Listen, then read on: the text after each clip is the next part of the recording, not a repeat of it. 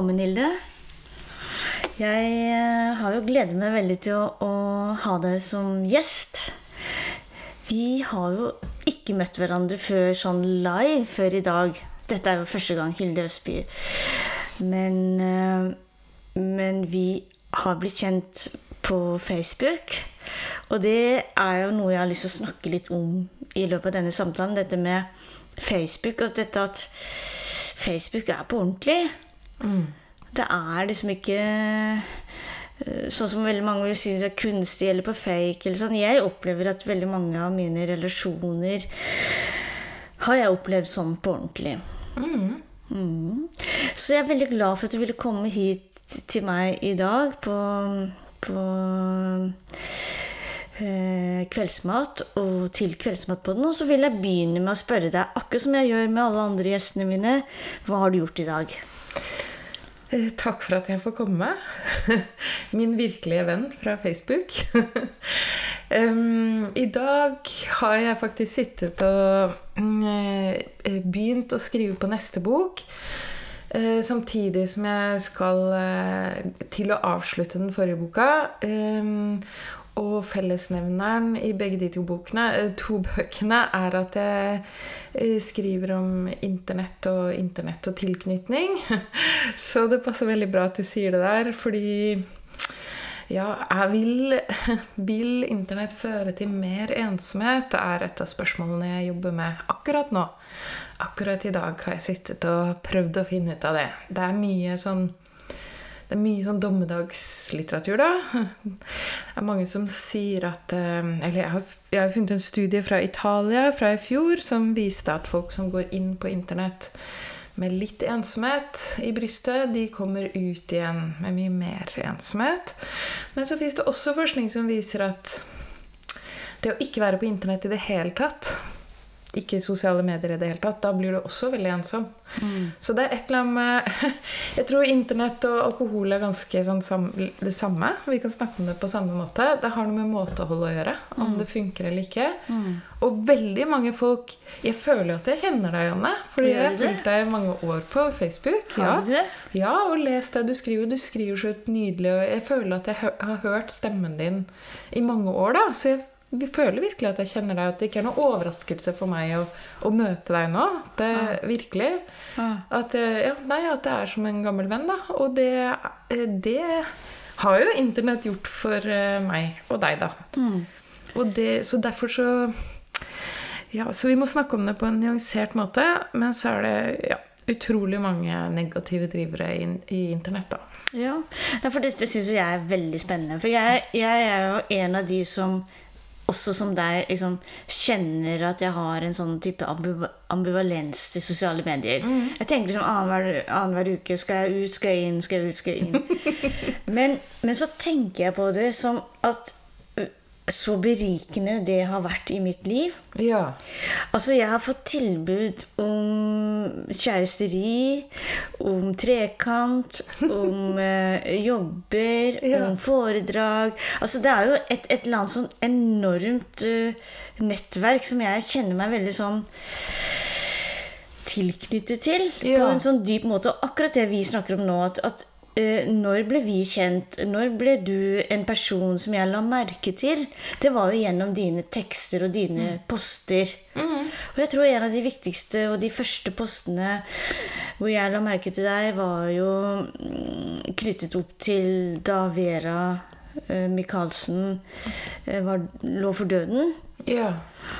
Eh, hvor jeg opplevde at eh, ja, men her er det en stemme som Um, Som virkelig vil noe, som virkelig vil formidle noe, som virkelig vil knytte uh, denne meningsløse sykdommen og he- hendelsen til noe større.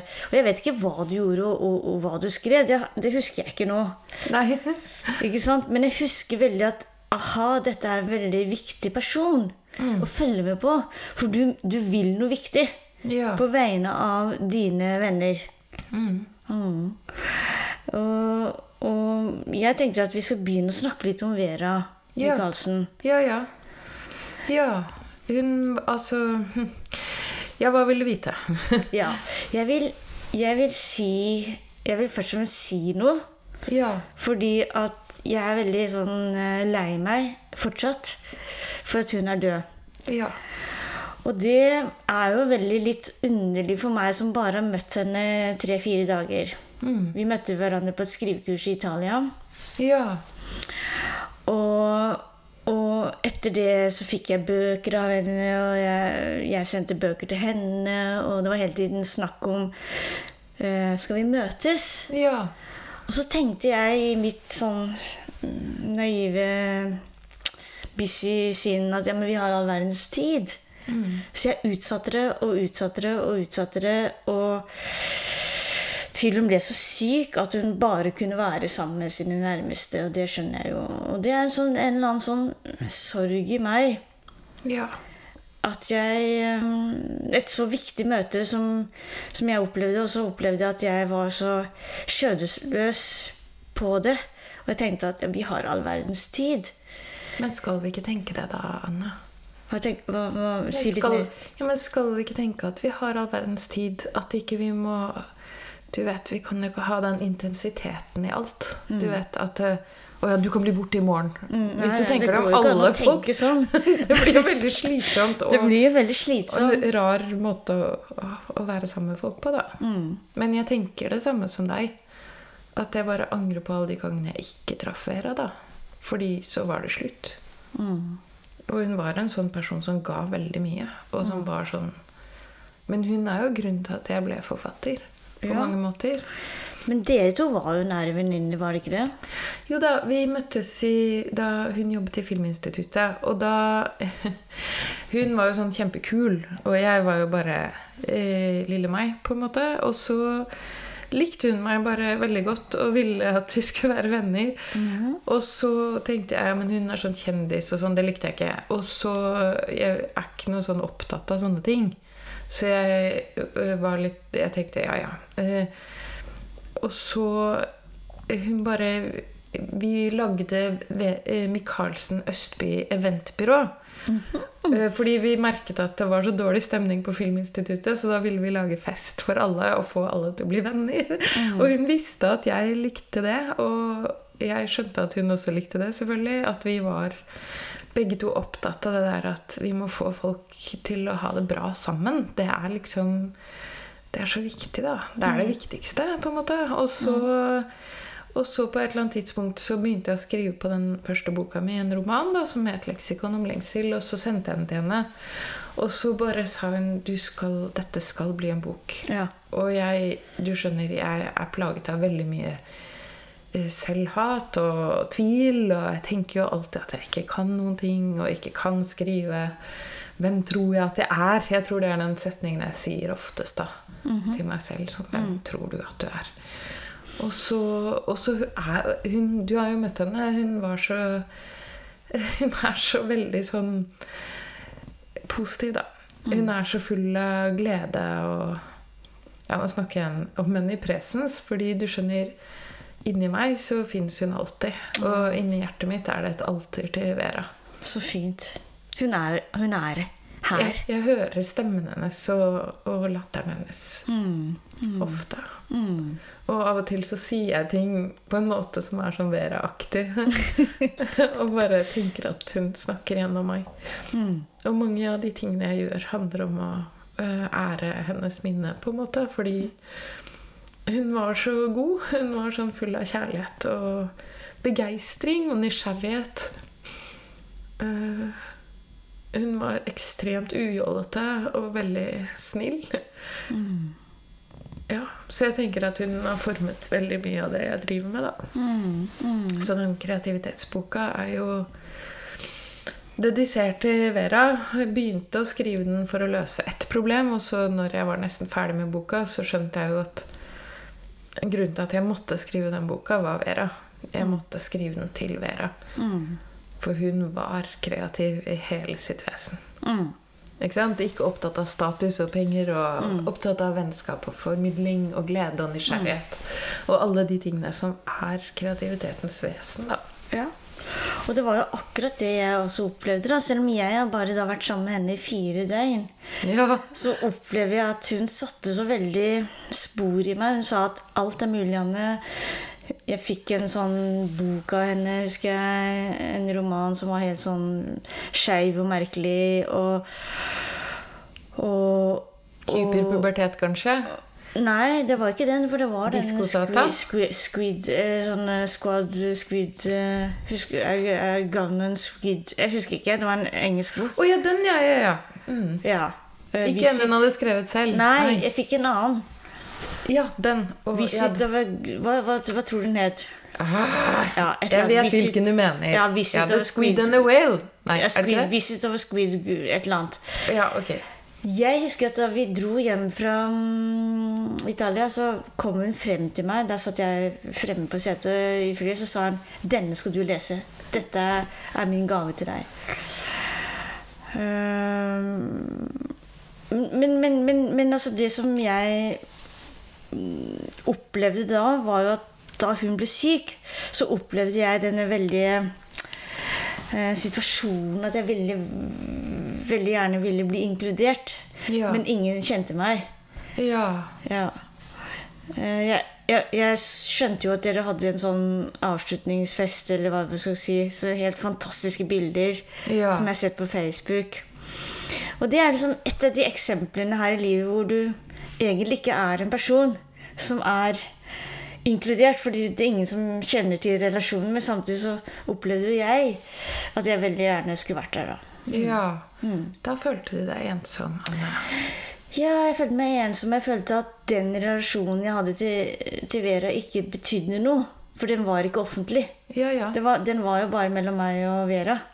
Så det var sånn jeg, jeg husker det, da det var innsamlingsaksjon, og jeg betalte jo og ville jo veldig gjerne og sånn, men, men jeg forsto at det var jeg, det, altså det der, da, det, da det ble den avskjedsseremonien, skjønte jo jeg, og jeg forstår det ennå, at ikke jeg var en som da skulle vært der. Ja. Men jeg ville ha vært der. Ja. Altså, no, jeg har sett bilder hvor hun ligger på scenen med ballonger. Det er, det er, det er, jeg tenker at dette må være den mest fantastiske måten å dø på. Men det var rart, for jeg klarte ikke å skjønne da at hun skulle dø. Selv om det var det som lå i kortene da. Ikke, ikke på den festen heller. Nei. Skjønte du ikke det? Jeg bare klarte ikke å ta det inn. Jeg klarte ikke det. Jeg klarte ikke det. Og jeg visste ikke da at det var den siste gangen jeg skulle se henne. Og så dro jeg og skulle lansere en bok.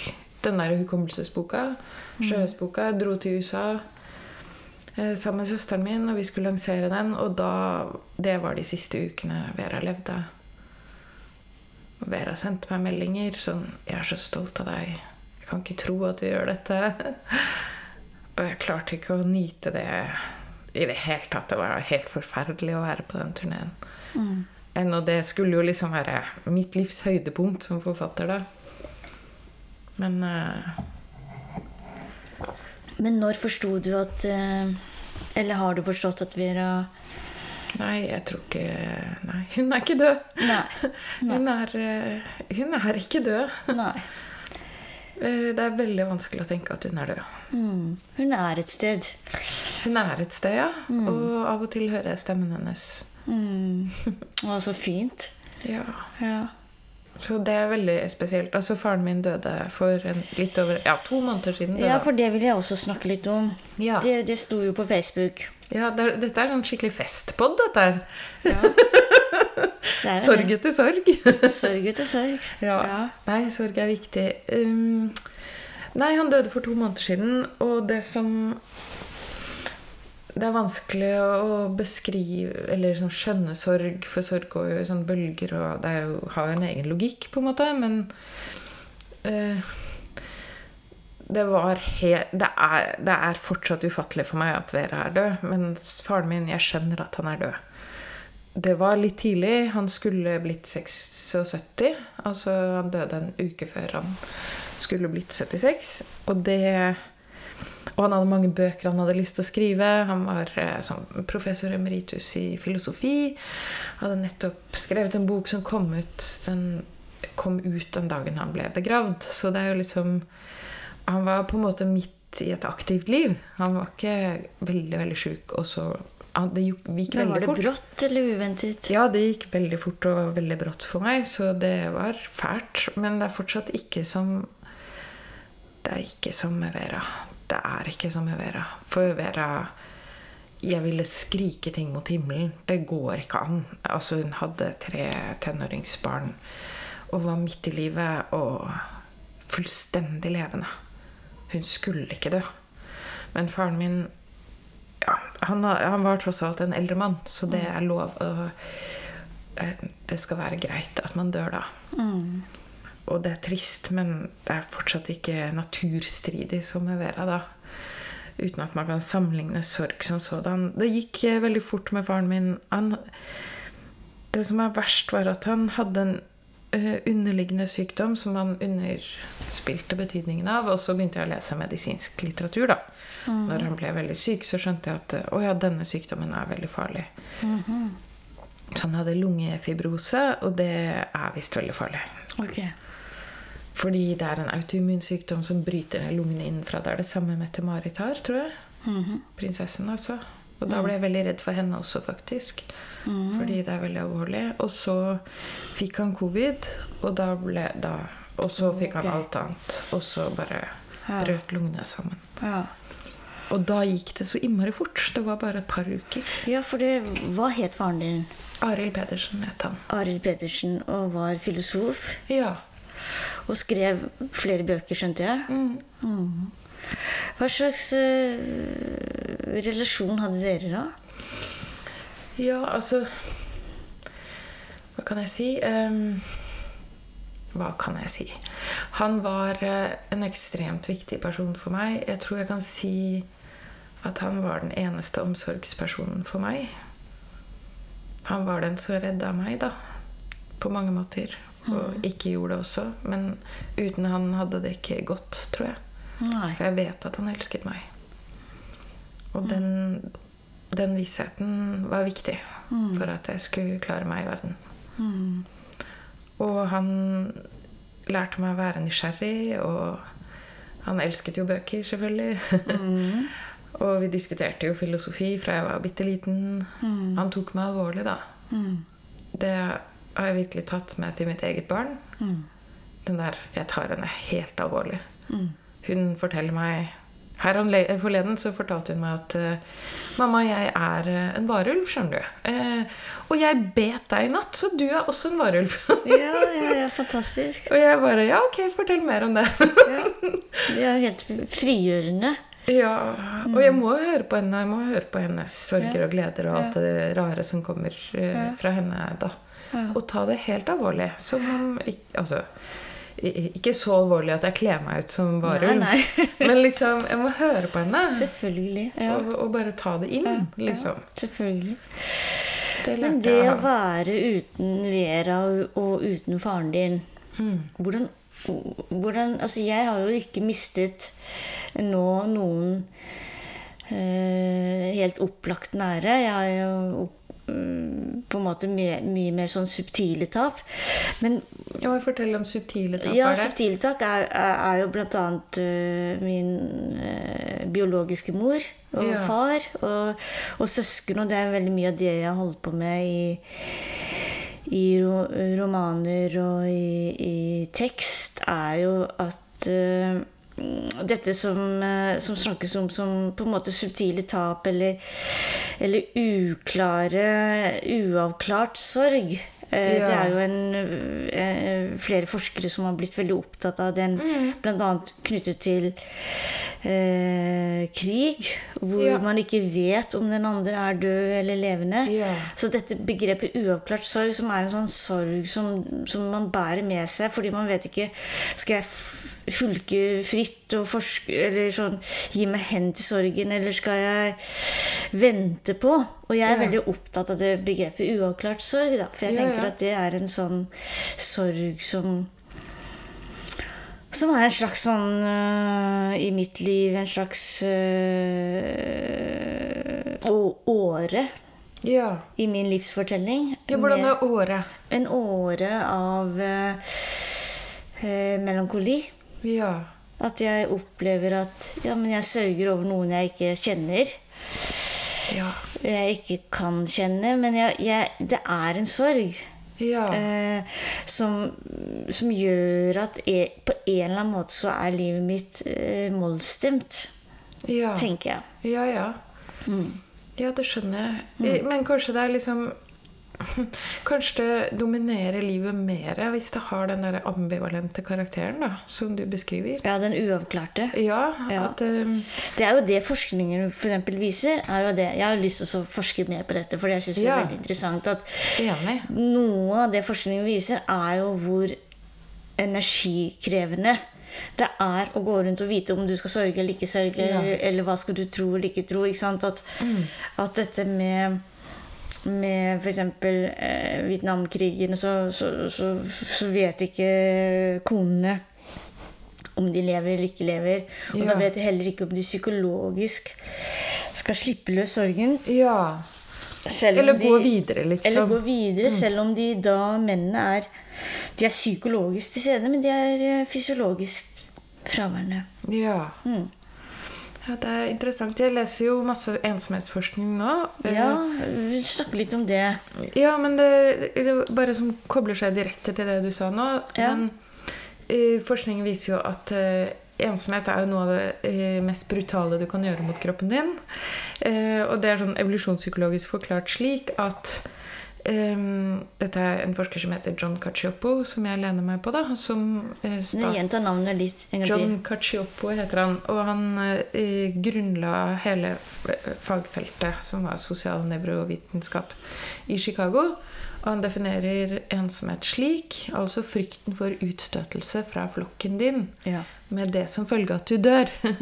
Fordi du er jo på savannen, ikke sant? Så, Selvfølgelig. Jeg, jeg, jeg skjønner alt om det. ja, ikke sant? Så det er en livsfarlig følelse, og det setter i gang så mye stressrespons i kroppen at du får disse lavintensive betennelsene, som igjen driver alle mulige alvorlige sykdommer, hjerte-karsykdommer, autoimmune sykdommer, diabetes, søvnvansker, eh, overvekt etc., etc. Alt det som eh, Depresjon, selvfølgelig. Alt det som ligger på toppen av folkesykdomsstatistikken. Da. Men eh, Julian Holt Lundstad, eh, som er den forskeren som fant ut det at ensomhet er det som er det mest farlige for kroppen, det som mest sannsynlig gjør, gir tidlig død, eh, øker sjansen for tidlig død med 26 da, hvis du går med langvarig ensomhet, fant hun ut. Det er farligere å være ensom enn å røyke 15 sigaretter om dagen. Det var hun som fant ut det. Ja. Da gikk jeg straks og kjøpte sigaretter, selvfølgelig, når jeg leste den forskningen. For jeg har jo masse venner. Ja, ja, ja. Eh, Men hun fant ut også at like ille som ensomhet, altså den frykten for utstøtelse, er sånn ambivalente relasjoner. Ah, ja, det, vil jeg tro. Fordi du står og stanger i noe hele tiden, og det stresser sånn. deg sånn veldig. Og det er på en måte det, det var det jeg hekta meg på nå. Det, Ja, og det tror jeg Jeg tror jo at i vår tid eh, så er ambivalente relasjoner kanskje noe av det mest fremtredende. ja. Fordi at eh, eh, Dette har jo jeg forsket på. Jeg har jo også tatt en doktorgrad på dette, disse tingene. Eh, knyttet til eh, Prøve å forstå hvorfor er det så mye tvil knyttet til Ja. parforhold og, og Ja. pa partnervalg. ja. Fordi at på 1950-tallet og, og, sånn, og etterkrigstiden så var det jo ikke det som var det mest fremtredende tvil om forholdets fortsettelse. Nei. Nei. Så var, Da hadde man valgt, og så ferdig. da hadde man valgt, og da hadde man valgt en gang for alle. Og da, da var det eh, Gerhardsen-pakka, ikke sant. Så en liten Obos-leilighet, og mor, Ja, ja. mor syr og far leser. ikke sant? Det er jo de tingene som var forutsigbarhet. Den forutsigbarheten som preger 50-tallet. Til det 60-tallet, men det begynner å bryte opp på 60-tallet. Men allikevel eh, Hva er det som gjør at vi i dag er relasjonene våre, de intime og, nære relasjonene, veldig preget av ambivalens og tvil? Ja. Mm. Fortell, da. Ja, nei Jeg hadde mer lyst til å snakke med, om dine ting, da, men jeg kan bare nevne fort at eh, jeg tror at en av de tingene er, er eh, veldig mange forskjellige idealer eh, bilder av hva en relasjon skal Ja, være. ja. Slik at det er så veldig Forventningene er så stappet inn i relasjoner, sånn at man har det spennet mellom man vil ha trygghet, og man vil ha spenning. Ja. Man vil ha frihet, og man vil ha tilhørighet. Det skriver Siri Gullestad om. Den derre å, ja. Å begjære den du elsker. Mm. Og, og, og jeg tror at det er noe av det som gjør at at når vi blir liksom sluppet løs på det markedet der, at vi skal prøve å finne ut av å navigere eh, frihet og tilhørighet, så må vi bli så blir vi tvunget automatisk å stille oss selv er dette bra nok. Men er, når du sier marked og sånn, det tenker jeg også at det er et marked, og at vi er på shopping. Er det ikke sånn? Jo, bortsett fra at jeg liker ikke de metaforene, men vi er jo på, e, på e, i, Men sånn, hvis du er i Tinder-verden, da Ja. er det jo ren shopping, på en måte. Ja, det er det. Og samtidig så er det sånn at dypest sett så er det sånn at ja, det er, det er den, sånn livsstil eller livsformer er liksom på en måte lagt ut som veldig mange muligheter. Og da er det litt sånn eh, at jeg tenker at uh, frihet og trygghet er på en måte disse variablene vi hele tiden prøver å navigere mot. Jeg tror ikke noe på den friheten. Nei. Jeg tror bare Jeg tror vi lurer oss selv, da. Jeg, okay. tror, jeg, jeg tror Ok, dette er det jeg har tenkt fordi jeg har jobbet mye med ting som har med sånn Hva er det å være menneske? Det er på en måte mitt prosjekt, tror jeg. Isak Prosa. Det er sånn hovedprosjektet ditt? Ja, hva er det å være menneske? Hva I vår tid? Ja, bare hva er det? Eller til alle tider? Til alle tider. Ja, for du vil ha det. Ja. jeg vil løse alt det, Anne. Ja, du vil ha til alle tider, for det er veldig forskjell fra for meg. For jeg, jeg er ikke så opptatt av til alle tider, Nei, men det er veldig interessant. Ja. Men jeg, jeg har tenkt mye på at Ja, det er jo i vår tid, da, selvfølgelig. Men jeg har tenkt mye på at eh, det er så mye i vår kultur som vil fortelle oss at vi er individualister, at vi skal realisere vårt indre potensial, bla, bla, bla.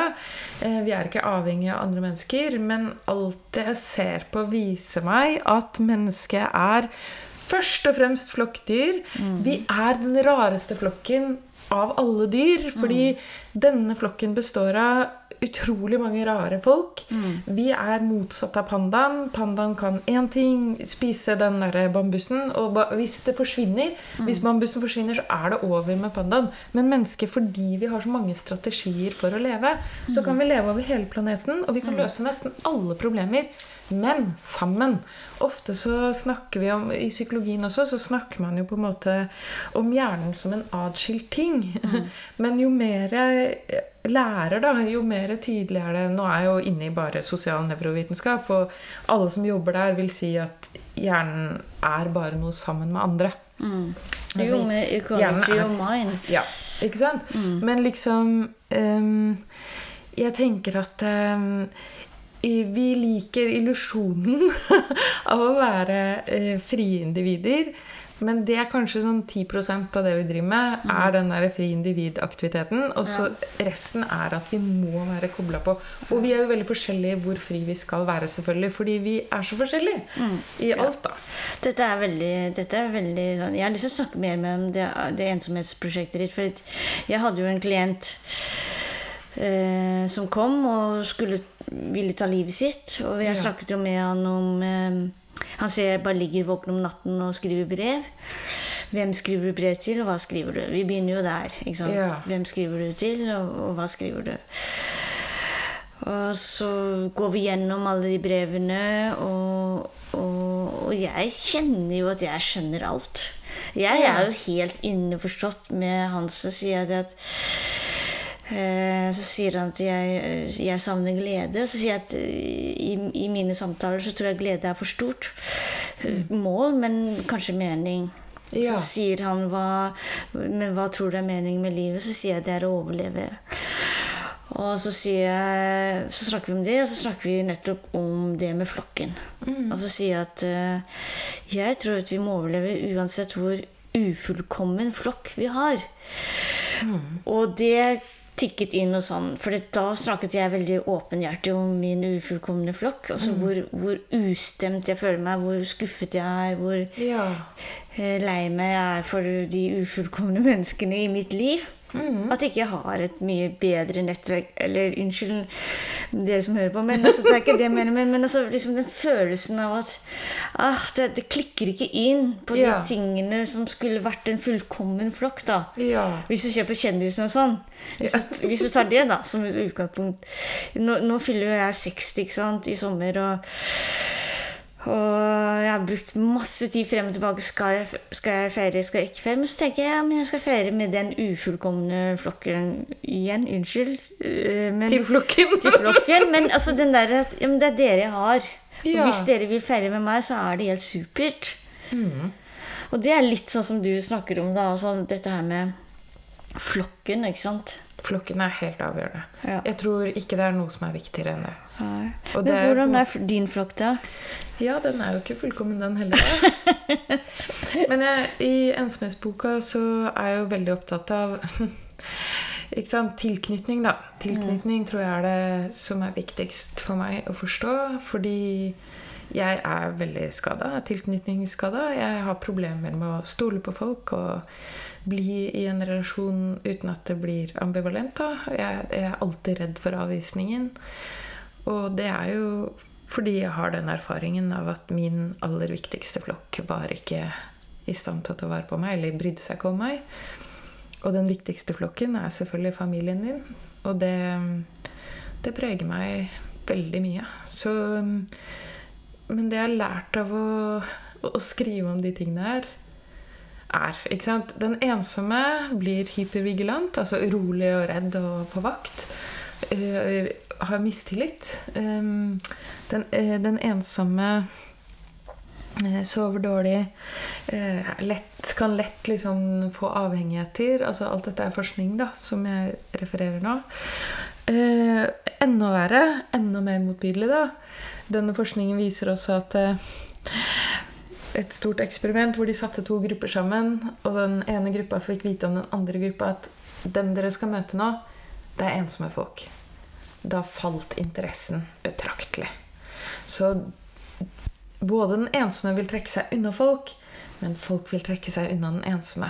Og hva er det egentlig, hvis vi husker på hva John Cacioppo sier om ensomhet, frykten for utstøtelse fra flokken Jeg tror ikke vi skal plassere det i de individene som er ensomme. Vi skal plassere det i de som sender ut signaler om utstøtelse. Det er ikke de, de ensomme er symptomet. Det de føler, er helt adekvat. Det er sant. Og når du begynner å gå og se på grupper som opplever mye utstøtelse, så ser du der er det mye ensomhet også. Hvem er det som føler seg ensomme? Folk som utsettes for rasisme. Folk som har funksjonsnedsettelser. Folk som er fattige. Hallo, vi bare kan gå gjennom alle de liksom Vi snakket om før vi startet her, liksom de kule og de ukule. Det er bare å tenke sånn. De ukule vil føle seg ensomme fordi de faktisk blir utstøtt. De merker hele tiden dette dyttet liksom, ut av flokken. Og folk vil ikke bli sett. Jeg, når jeg var barn, så hadde jeg ingen venner. Jeg var, men jeg var nest nederst på hierarkiet. Det visste jeg. For alle barn vet hvor de er i hierarkiet. Med mindre de er på toppen, for da merker de ingenting. Men jeg var nest nederst, og jeg visste at for alt i verden måtte jeg aldri bli sett dø sammen med hun som var nederst. For da ville jeg gå med i det dragsuget. Da var jeg garantert ukul, ikke sant? For alltid. Det høres så barnslig ut når jeg sier det, men alt jeg har sett på nå, tyder på at det er sånne primitive strategier i samfunnet. Og så, ikke sant, Det begynner med sånne bitte små utstøtelser. Nå har du skrudd på krana. da. Det begynner med bitte små utstøtelser. Eh, Den, de subtile greiene, sånn at man ikke blir sett på. At folk ler litt De, sånn hånlig av deg. ikke De ser deg ikke i øynene og sånn. De hilser ikke ordentlig. Mm. De ler av deg. De ikke sant? prøver ikke å forstå deg, prøver ikke å inkludere deg. Og så kommer volden. For da, ikke sant, hvis ikke du blir utstøtt av det, Det ser man jo mye tydeligere i en barnehage. Ja. Men eh, det er det samme. Um, hvis du ikke tar de signalene, så da begynner volden. Og så kommer voldtekten. Og så kommer volden. Altså drapet, da, til slutt. Mm. Og det ser vi jo i krig. Hva er det som skjer i krig? I krig er det Vold, det. massevoldtekt. Ikke sant? Total utstøtelse. da. Og drap. Og drap. Og så kommer tilintetgjørelsen. Mm. Men før det kommer alle de andre Mm. uh, utstøtelsene da, på rad og rekke. Og det merker de ensomme. Mm. De merker det. Dette er en trussel om vold. Ja. Og, og utslettelse. Og utslettelse. Du skal bort fra flokken. ikke, vil ikke ha de Ja, vi ensomme i flokken. Nei. Ja. Men det som er, Hilder da Jo, er, så det var det jeg skulle si. At Ja. den, den formen for utstøtelse er så eh, Det er så dypt festet i meg at jeg blir overfølsom for alle typer ut, sånn forsøk på utstøtelse. Da. Det kan til og med ikke være forsøk på utstøtelse. Jeg vil være du vet, overfølsom for Ja, ikke sant? Jeg ble ikke invitert da, til å være med i litteraturfestivalen på Lillehammer.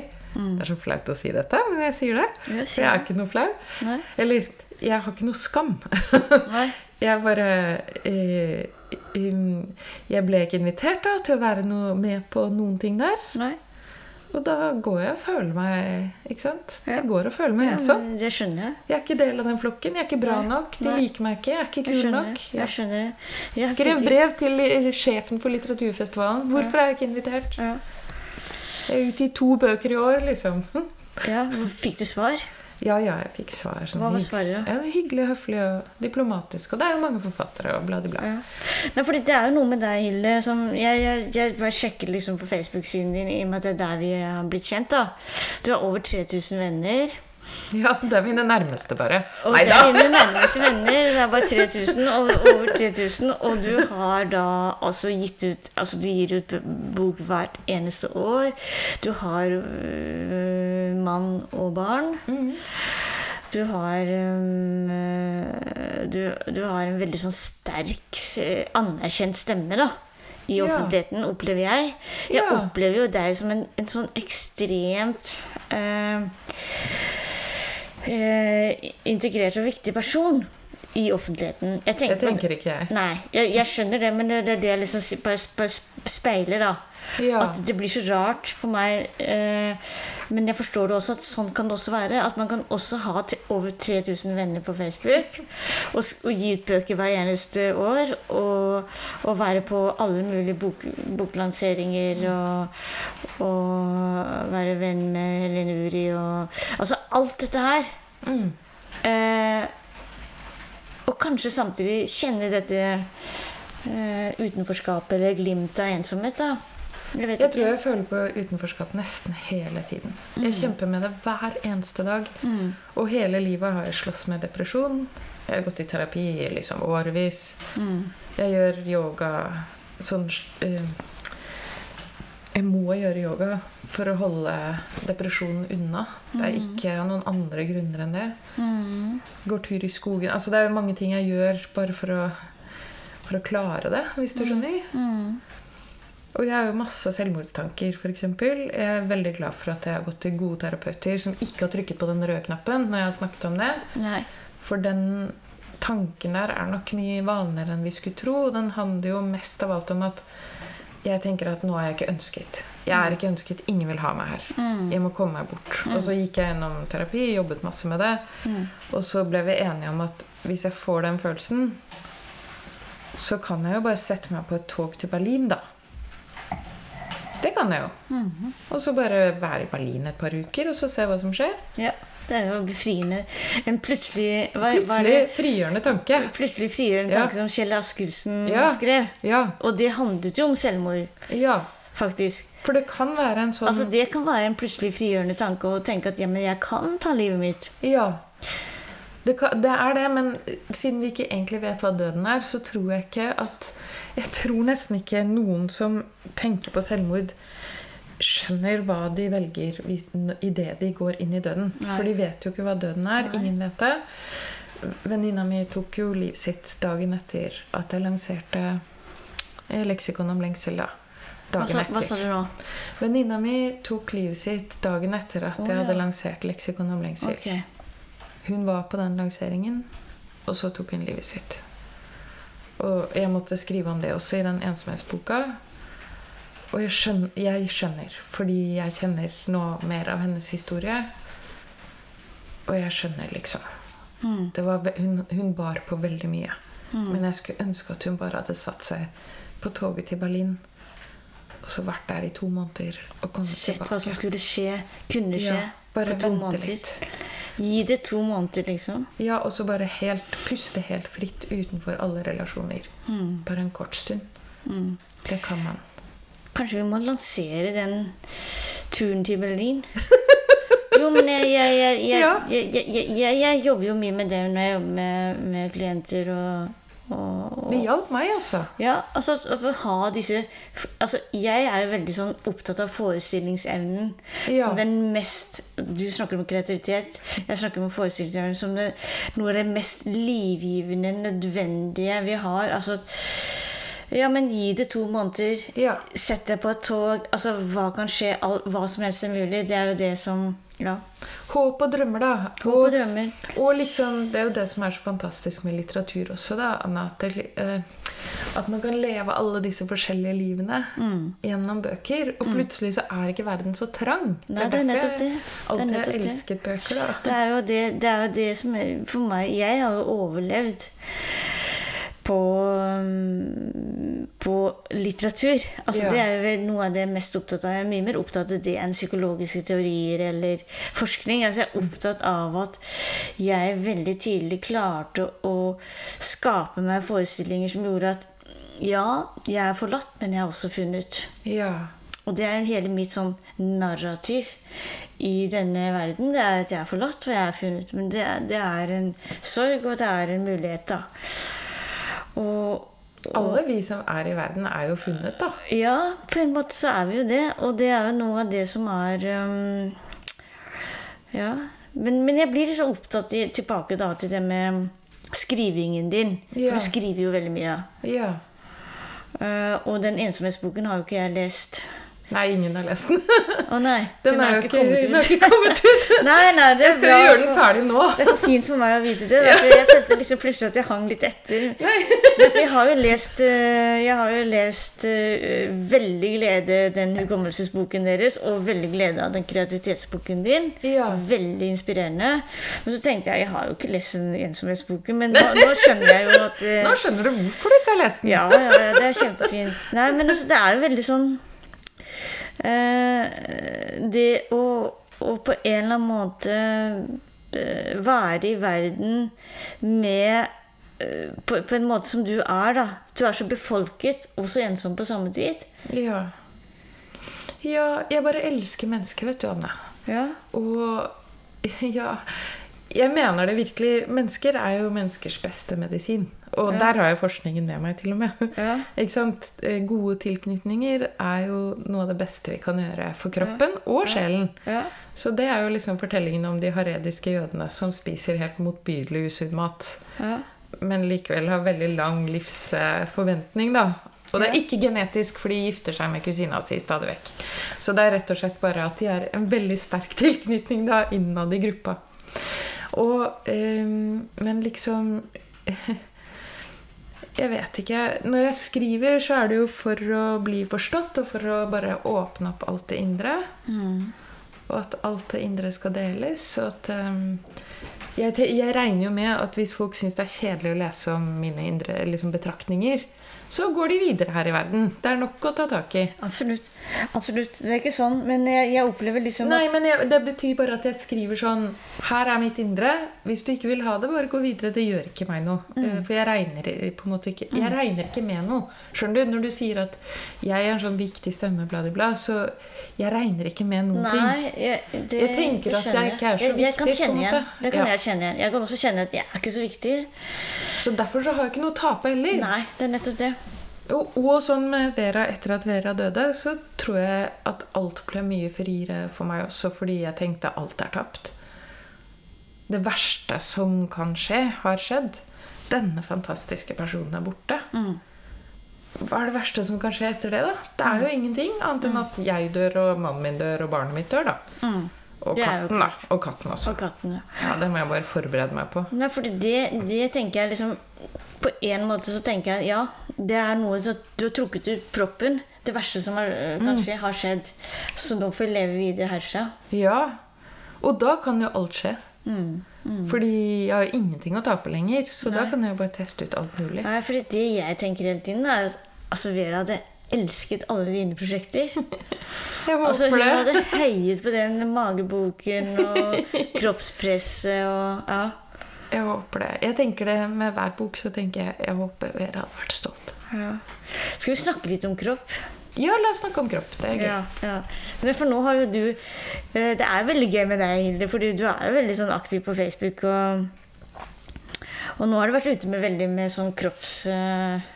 Hva skal vi kalle det? Kropps, eh, Det har jo vært en sånn kroppsdebatt, da. kroppsdebatt. Det er jo hele tiden, egentlig. Men uh, nå var det litt ekstra driv i den debatten, da. Hvor du Eh, sier veldig tydelig at forskning viser at slanking ikke hjelper. Ja, det viser den jo.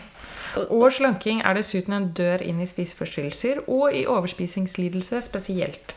Så det jeg vet, fordi jeg snakker med forskere og behandlere, det er at eh, det første over, folk med overspisingslidelse må gjøre, det er å love å ikke slanke seg. De må legge vekk ideen om slanking. Det er det første de må gjøre. Hvorfor? Fordi de tenker sånn som jeg. Jeg har jo dette tankemønsteret. Det bare er ikke så uttalt. Eller jeg jobber hele tiden mot den tanken, da. Mm. Men jeg, har jo vært, jeg var jo veldig anorektisk i ungdomstida, i tenåra. Og så sluttet jeg å være så viljesterk i gåseøynene at jeg lot være å spise. Så det som er overspisingslidelse, er å tenke sånn som jeg tenker hver dag, nesten.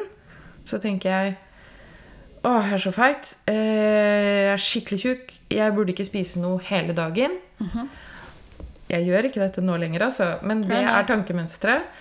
Så går du gjennom dagen uten å spise mer enn noen smule, kanskje. Og så okay. på slutten av dagen så bare kollapser jo hele prosjektet, selvfølgelig. Og så spiser du absolutt alt du har i huset. Og gjerne masse usunt og så videre. Det er spisefest. Og så gjentar dette seg. Eh, og du blir veldig oppstressa. Du hater deg selv enda mer. Da, når du hater deg selv mer, så må du jo holde igjen enda mer, spise enda mindre neste dag. Og så da bare Ja. Det er en et, veldig ond sirkel, da. Et veldig ondt tankemønster som um, som gjør, altså, Siden jeg vet det, siden jeg snakker med behandlere, siden jeg leser forskninga på det, så blir jeg sånn Jeg syns det er så viktig å si disse tingene. Fordi jeg vet at folk lider. Og det er mange som lider under disse tankene her. Og jeg vet hvordan det føles. Og jeg unner ikke min verste fiende å holde på sånn som det der. Så derfor så må jeg si fra. Og fordi jeg kjenner mange som opplever sånn ekstremt mye kroppshetsing. Veldig onde kommentarer. Eller bare sånn Kan du ikke slanke deg, da? Kan du ikke bare ta deg sammen? Altså alle de kommentarene der. Eh, diskriminering i arbeidslivet. Diskriminering i alle sammenhenger, egentlig. På ba eh, basis av kropp. Det gjør meg forbanna. Jeg orker ikke å se på det. Og det er den eneste formen for diskriminering som fortsatt er tillatt.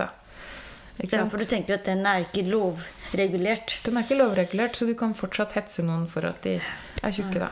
Ja. Og jeg vet hvordan det er å være tjukk, for jeg har vært ordentlig tjukk. Og når jeg var ordentlig tjukk, da var jeg usynlig. Da var jeg en som ingen regnet med. Da var jeg den som ikke ble hørt. Fordi da opplevde du at uansett hva du skrev og sa og gjorde, så Jeg var den mest ukule. Selvfølgelig var jeg det. Og i det øyeblikket jeg gikk ned For jeg gikk ned veldig fort fordi jeg flyttet fra den mannen jeg var sammen med da, vi flyttet fra hverandre, og på bare veldig kort tid så gikk jeg ned alle de kiloene. Veldig fort. Er det sant? Ja, og plutselig så så folk meg. Er det mulig? Det er helt utrolig. Ja, det er Plutselig var jeg en synlig person. Det er ikke mulig. Jeg, jeg, jeg tuller ikke. Og jeg, jeg slanket meg ikke, eller noe sånt. Jeg bare Du var bare ulykkelig. ned. Jeg var bare ulykkelig, altså. Og så ble du sett og hørt. Dette syns jeg er sånn skremmende. Det er helt sant. Og jo flere historier du hører, jo, jo mer skremmende er det jo. Mm. Altså eh, Ja, historier jeg hører, er jo sånn Folk som kommer til legen, og som kommer for helt andre ting, og får høre at eh, Ja, men du må slanke deg. Du er tjukk. Uten at de har bedt om det rådet i det hele tatt. filler'n. Å, fy filler'n. Ja, det, det er jo helt rått. Du får høre det absolutt hele tiden. Og du får dårligere helsehjelp i helsesystemet hvis du er tjukk. Alle sykdommer du har, blir lagt på at du er tjukk. Men i den mageboka da, som du har skrevet, er, Mm. er disse tingene, det er disse tingene du går gjennom der? Ja, eller alt det som gjør at jeg hater på min egen kropp, da. Og det er jo veldig mange ting. Det er mye som gjør at man hater kroppen sin, da. Det er jo eh, beviselig en sammenheng mellom depresjon og, og kroppshatt. Det har ikke egentlig med kroppsstørrelsen din å gjøre. Nei. Det har ikke noe med kroppen, men det har noe med Det har noe med sjelen å gjøre. ja. Så vi må snakke mye mindre om mat, og mye mer om eh, psykisk helse. Ja, ja, men ja, virkelig. Ja, virkelig. Det det. Og sant, En stor undersøkelse som ble gjennomført i Nord-Trøndelag for bare et par år siden, det var 27 000 kvinner involvert, Ja. viste at uh, halvparten hadde et problematisk forhold til mat og vekt, uavhengig av alder og hva de veide. Det er Det er jo liksom forstyrrende. Ja, Å det føre. går ikke. Det går ikke. Vi kan ikke ha det sånn. Vi og vi kan ikke snakke om andres kropper på den måten. Nei. Det er helt, helt ulovlig. Nei, jeg, jeg, jeg, jeg syns det er så opprørende at jeg Men Ja. Men samtidig som Som eh, det er så vanskelig å være en sånn motstemme mot det. Som Ja, ja. alt annet, fordi at det er litt sånn Akkurat som hun eh, Sanna, eller hva hun heter, Mhm. skriver at det er helseutgifter. Og med en gang noen begynner å snakke sånn helse og kostnader Det må vi bare ikke og gjøre. samfunnet taper masse millioner på at folk ikke er tynnere, så, så, så blir jo jeg litt Jeg blir jo påvirket av det. Jeg blir sånn Oi, er det sånn? Ja. Men nå regnes jo, ikke sant eh, ja, Det er vel 40-50% av Norges befolkning som er overvektig. Mm. Så hvis alle de var, en helse, var innom helsesystemet hele tiden, Mm. så ville jo helsesystemet brutt sammen. Det er ikke sånn, Og dessuten kan vi jo ikke snakke sånn om folk. Nei, vi kan ikke det. Men altså, da må vi jo gå ned på børsen og snakke med de meglerne der. All... For Fordi meglerne der er ekstremt stressa, og stress det gir hjerte-karlidelser. Så da er jo de en eh, utgift for Mm. Selvfølgelig, samfunnet. selvfølgelig. Men da, det gjør vi jo ikke, da. Nei, nei. Vi går jo etter utseendet her. Det er ren eh, Ja. Dette er estetikk. Det, det mener jeg virkelig. ja, men det er det. Jeg er helt enig. Men Hilde, Ja. helt sånn avslutningsvis Skal vi så, avslutte? Ja, nå har vi, nå har vi snakket uh, over en time snart. Har vi? Ja. Ja, Men, men jeg, tenker, jeg tenker litt sånn på det med kreativitet. Ja.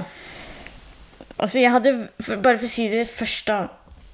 Det er en av de få sakprosabøkene jeg har hatt mest glede av. Det er den hukommelsen, denne sjøhester.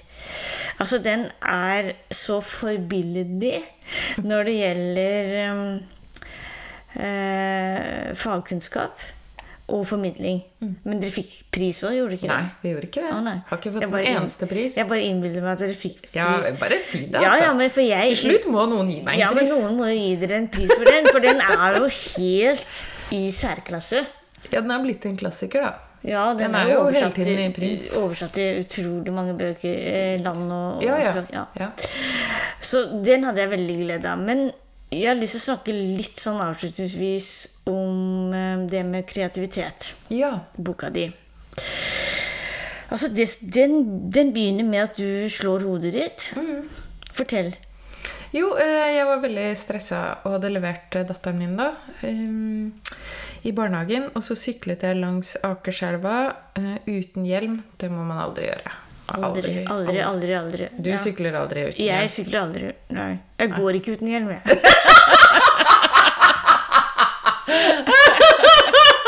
Det er bra. Helst sove med hjelm også, Ja, tilfelle man klart, detter ut av senga. Ja, ja. Og så eh, var jeg Jeg var lett distrahert, så jeg bare snudde meg vekk et øyeblikk, og da var jeg plutselig med hodet først inn i undersiden av den nybrua. brua, sånn at kroppen fortsatte videre under brua, mens hodet var jo da fast i, i brohodet. Og da hadde jeg fått en hjernerystelse. Og rett etter det så eh, krydde hjernen min. Sånn full av ideer og innfall. Og det var liksom helt ustoppelig. Og nå skjønner jeg jo at det er litt sånn det kan føles å ha ADHD. Du er ikke så konsentrert, men du har veldig tilgang på ideer, da. Og så da satte jeg meg for, eh, etter lang tid, da, etter veldig mye som hadde skjedd, så satte jeg meg for eh, å finne ut hva som skjedde egentlig den gangen jeg traff brohodet. Og hva, hva hvorfor hadde jeg fått så mange ideer og innfall. Mm. Og det som hadde skjedd altså Vi har jo to systemer i hjernen, da. Ja, for å være litt røff fremstilling av hjernen. Så har vi to systemer, og det ene er eksekutivfunksjonen. Og det er vi i akkurat nå. Eksekutivfunksjonen er sånn Vi to er i det nå. ja, Hva betyr det? Det er eh, konsentrasjon og ja, retning vi- vi- vi og fokus. Og vi henter opp minner, akkurat de minnene vi trenger her og nå. For å, det er arbeidsminne, da. ikke sant? Eh, eh, Alt det vi trenger bare for å holde det gående her og nå. Eh, Og det er ekstremt viktig for hukommelsen, fordi hvis vi ikke er fokuserte, så får vi ikke ting inn i hjernen i utgangspunktet, og da får vi ikke til noe dyp læring, da. Det, Du må jo ha et sterkt fokus. Det er jo det de dumme eh, smarttelefonene gjør med oss. De eh, folka i Silicon Valley de tjener jo mest mulig penger på at vi blar og blar og blar og blar på den dumme telefonen. Som jeg også elsker av, så jeg kan ikke si noe annet enn det. Nei, nei. Men hvis man bare blar her, så mister man den Det er ikke en muskel, men det er en øvelse, da. Det er noe du og jeg har gjort veldig mye, og det er å sitte i mange, mange timer og lese. Uforstyrret. Så vi hadde jo ikke kunnet ting hvis vi ikke gjorde det. Og det er eksekutivfunksjonen. Du øver opp den. Jeg, jeg kan si det en gang til. Eks Eksekutivfunksjonen. Ok. Executive function. Så det er jo liksom sjefen da i hjernen. Okay. Så den foregår i frontallappen foran her, og så i temporallappen på siden her.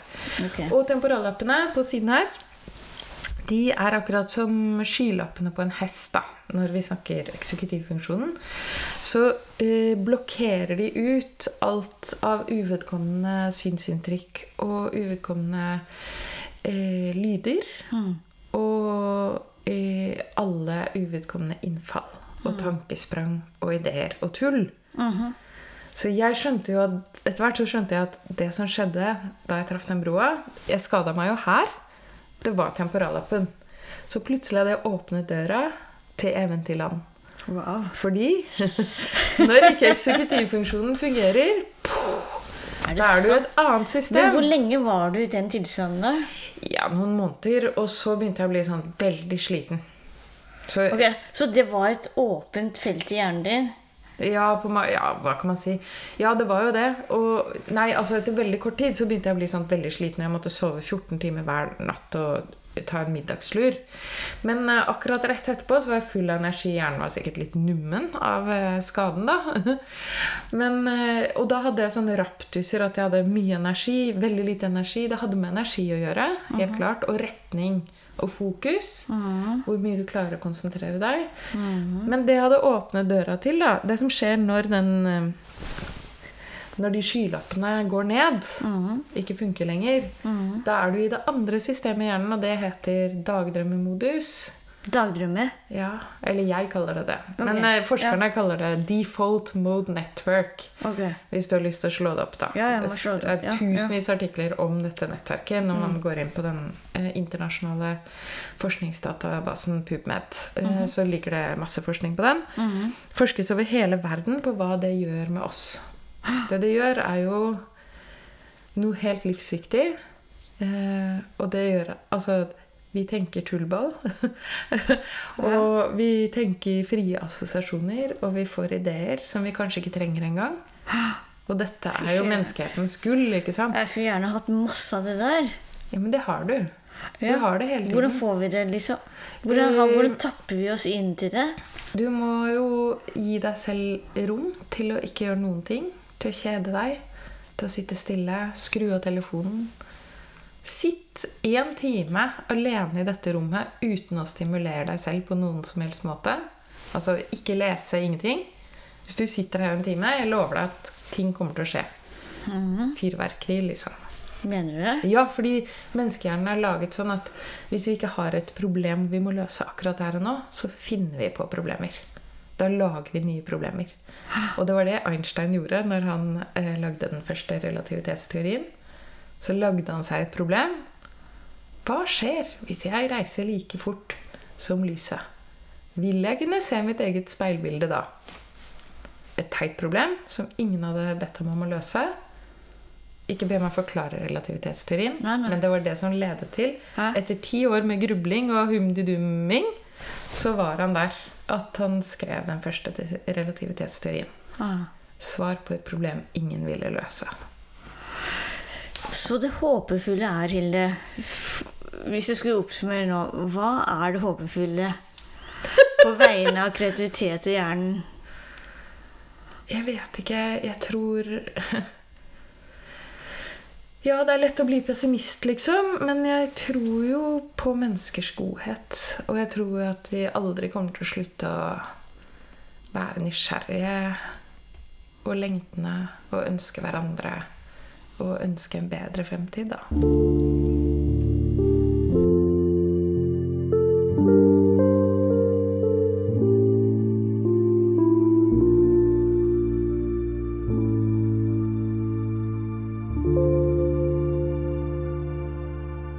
Kveldsmatpodden. Takk for at du hørte på Kveldsmatpodden. Den er laget av Anne Øfsti i samarbeid med Forfatterskolens rektor, Kristine Storli Henningsen. Musikk av Torjus Hepsø Gullvåg. Følg oss gjerne på Facebook og Instagram, hashtag Kveldsmatpodden.